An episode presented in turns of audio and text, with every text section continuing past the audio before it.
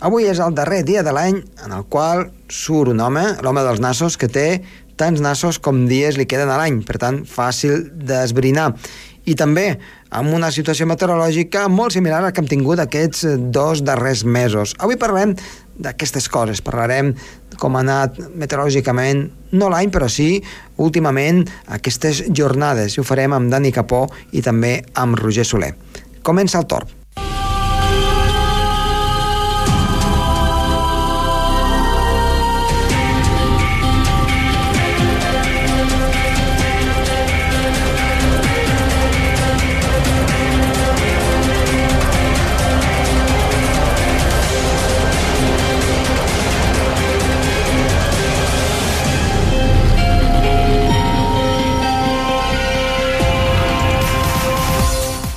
Com va? Molt bona tarda. Moltes gràcies per estar darrere del seu transistor, en el vehicle, o, per què no, per internet, des de qualsevol punt del món.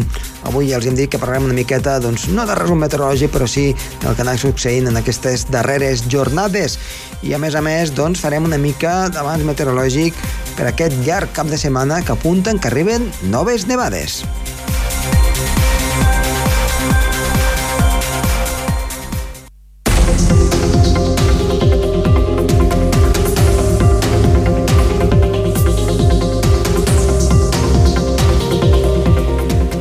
Iniciem el programa i ens en anem cap a ses illes amb Dani Capó. Dani, molt bona tarda. Molt bona tarda, Josep. Doncs, eh, a veure, sembla que aquesta setmana ens ha canviat una mica la situació meteorològica. Vam tenir dimarts doncs, una mica de moviment, tampoc massa, i sembla doncs, que al llarg d'aquesta setmana alguna coseta més ens pot creuar al cap de setmana, avui mateix, en definitiva, doncs, una mica més d'inestabilitat després d'aquest avorriment meteorològic. Com pinta la cosa, Dani? Bueno, pues, certament, com dius, sí que cap al cap de setmana podria haver-hi alguna nevada. Tampoc esperem que siguin molt intenses, però sí que s'agrairia bastant després d'aquests dies que sí que han tingut alguna cosa per necessitar tenir algo més, alguna nevada una mica més digna. I tal, tal vegada que cap de setmana la podríem tenir. Doncs a veure si és veritat, perquè eh, des del des de que portem pràcticament finals de novembre, que va tenir doncs, una primera nevada amb Caraiux, que és la primera i darrera que hem tingut, així doncs, que ens ha permès obrir pistes a, a la zona del Pirineu, la resta ha estat anticicló i fronts molt, molt dèbils que únicament han aportat núvols de tipus alt. I parlant d'això, no sé si ho podrem lligar o estarà una mica agafada en pinces, però avui ens volies parlar d'un tema doncs, eh, molt recurrent, però que sobretot ara eh, doncs, eh, està de moda, que és el fenomen del Niño, però una mica anant als seus orígens. Sí, certament, com dius, eh, encara no hi ha eh, relació total estadística de que tingui que veure, però sí que les sospites de cada vegada són més importants en quant a la possible sequera que, que sofreix aquesta part d'Europa Occidental. El Niño és un fenomen climàtic que passa al Pacífic, que té l'origen al Pacífic, i que té una recurrència doncs, una mica aleatòria, una mica erràtica, però que sol passar al voltant dels 15, 20, 25 anys, un cop. Per exemple, vàrem tenir la penúltima vegada, va ser l'any 82, 83, i la darrera vegada l'any 97, 98. Uh, bàsicament el que passa és que en un escenari normal, a les costes d'Austràlia hi sol haver bastant, la mà bastant calenta i les borrasques circulen per aquella zona. En canvi, si anem al Pacífic de la costa de Xile, Perú, l'aigua allà està molt, molt freda perquè emana des de, des de la profunditat. Val? El que passa quan hi ha el Niño és que l'aigua ja no puja tant en profunditat i ve arrastrada des de les costes australianes i, per tant, l'aigua és bastant més calenta. Per tant, en aquest, en aquest sentit, a les costes del Perú eh, primer de despert moltíssims diners perquè la productivitat en pesca baixa. I en segones, allà hi comença a precipitar molt més de, del que precipitava. Per exemple, al desert de Xile, a Atacama, eh, hi plou al voltant dels 20 litres anuals, doncs eh, quan hi ha el Niño hi, hi pot ploure molt més. Uh -huh. Això, encara que paregui que es queda allà, no, té, un, té una influència a nivell planetari, ja que canvia els patrons climàtics de, de per tot. I un poc, en aquest sentit, eh, i podria també canviar els patrons a Europa Occidental. De retruc, però hi podria. Uh -huh. I eh, tu creus que tenim una influència directa? Ara, per exemple, hem vist imatges d'incendis importants a Península Ibèrica. També incendis eh, a la zona d'Austràlia, amb precipitacions molt abundants, amb inundacions a tot el que és l'àrea, en aquest cas, dels Estats Units, amb tornados i una devastació una mica inusual. I després també inundacions a, al nord de les Illes Britàniques i cap als països escandinaus. Té alguna relació directa o són fenòmens di diferents? Bueno, uh, a veure, tot, tot el que has comentat uh, pot passar sempre que no hi ha el Niño.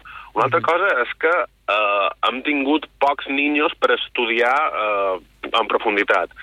Per tant, eh, això evidentment va evolucionant. Eh, aquest escenari que, que comentes, que tingués relació tot, no és descartable. De fet, s'estan fent estudis per veure fins anem a quin punt eh, el niño pot influir a accentuar aquests fenòmens que dius. Certament hi ha incendis eh, sovint a Austràlia i hi pot haver precipitacions fortes al Regne Unit si es manté aquesta circulació sonal uh -huh. que ens treu a nosaltres de les borrasques, és que queden totes allà. Per tant, eh, segurament si les inundacions de les, les Illes Britàniques tinguessin relació amb el Niño, també la tindria al mateix temps que hi hagués sequera a Europa. Recordem que um, Espanya, volia dir, recordem que tot el que és la península ibèrica i, i tal, eh, l'any 97 va ploure molt poc i l'any 82 també va ploure per davall del que és habitual. El que està passant també durant aquests darrers mesos. Per tant, eh, compta amb això perquè a lo millor d'aquí pocs anys ja tenim algun estudi sòlid que ens indiqui que el Niño està donant aquests, aquests fenòmens aquí. Eh? Mm -hmm, perquè d'altres anys, eh, al llarg del segle XX, eh, no hi ha més estudis, perquè parla, parles de l'any 83, eh, parles ara, doncs... Mm, 97, 98, sí. sí.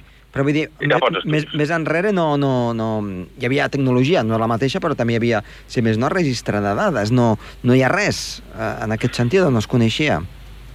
Clar, el que passa és que l'Organització Meteorològica Mundial, segurament per donar fiabilitat, credibilitat a aquests estudis, necessitarà una, una sèrie de registres lo suficientment ampli i probablement doncs, als anys 50 o 40 no teníem el número de bolles a la mà o el número d'estacions meteorològiques certificades, uh -huh. com per donar, perquè clar, el Niño és algo que hem d'anar amb molta precisió, és algo que no ens mostra evidències molt clares i necessitam un nivell de tecnologia avançat i que ens ajudi a donar credibilitat. Clar, les, les metadates que hi pugui haver doncs, de, de, de gent que hagi escrit o, o que hagi doncs, eh, fet constar doncs, canvis importants durant episodis del Niño doncs, no són vàlids, com a vegades són vàlids per fer estudis climàtics doncs, a Europa, en aquest cas. Sí, sí, per exemple, eh, podríem enllaçar també amb, amb l'origen de, del Niño, perquè del Niño no ens hem demanat què és, però això ve del Niño Jesús, del Niño Jesús del Perú, i això ens donava evidència de que el Niño passa normalment eh, cada Nadal, uh -huh. al, al voltant del Nadal. Per tant, aquí ja, amb, amb aquesta metodologia popular, doncs sabem certament, en realitat, que sol passar quan ens arriben les dates de Nadal, i és que els pescadors no podien sortir a, a pescar i s'havien de quedar a casa amb la família, per tant, d'aquí el Niño Jesús. Uh -huh. I quan, quan, uh, quan arriba el fenomen de la niña és el, és el contrari, per tant, fa més fred. És el contrari, passa absolutament al revés, augmenten més encara les, les aigües en profunditat a les costes de Perú, es refreden més les aigües a Xile, Perú plou encara menys, i a Austràlia encara plou, eh, plou amb més força i la, les aigües són més càlides. Uh -huh. I això també reper repercuteix a Europa, on, on encara no se sap tant no està tan clar, perquè normalment els fenòmens de la niña no són, no són tan, tan evidents al uh -huh. canvi que si es produeix en el niño. És a dir, no hi ha tanta diferència en relació al que és l'estàndard uh -huh. en, en, en relació a la niña. I, I pot haver un episodi de niña sense haver-hi niño? Saps el que et vull dir? O sigui, que doncs ara tenim niño, però l'any que ve no se sap el que hi haurà. Pot ser altre cop niño o, o niña, o, o hi ha anys que no hi ha res, també. Hi ha, bé, hi ha anys que, no hi ha, que no, hi ha, no hi ha res, però sí que tinc entès que els darrers episodis de la Niña sempre han vingut darrere del Niño. D'acord. Per tant, no te sabria assegurar si hi pot haver una Niña després d'un Niño. Crec, crec, si no em faré la memòria, que no ha passat mai, uh mhm. -huh. però una altra cosa és que pugui, que pugui passar algun dia. Uh mhm. -huh. Molt bé, Dani. Doncs Molt bé. moltes gràcies i que tinguis un bon final d'any i un bon inici de 2016. Igualment, molt d'anys. Adéu-siau. Adéu. El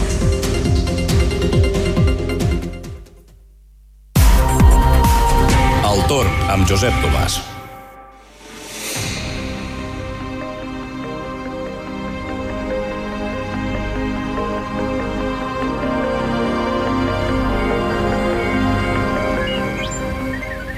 En l'entrevista d'avui tenim a un amic i un company, en Roger Soler, que torna amb nosaltres després d'una temporada doncs, eh, de no ser-hi i que a partir d'aquest any 2016 doncs, eh, el tindrem cada 15 dies aproximadament. Roger, bona tarda.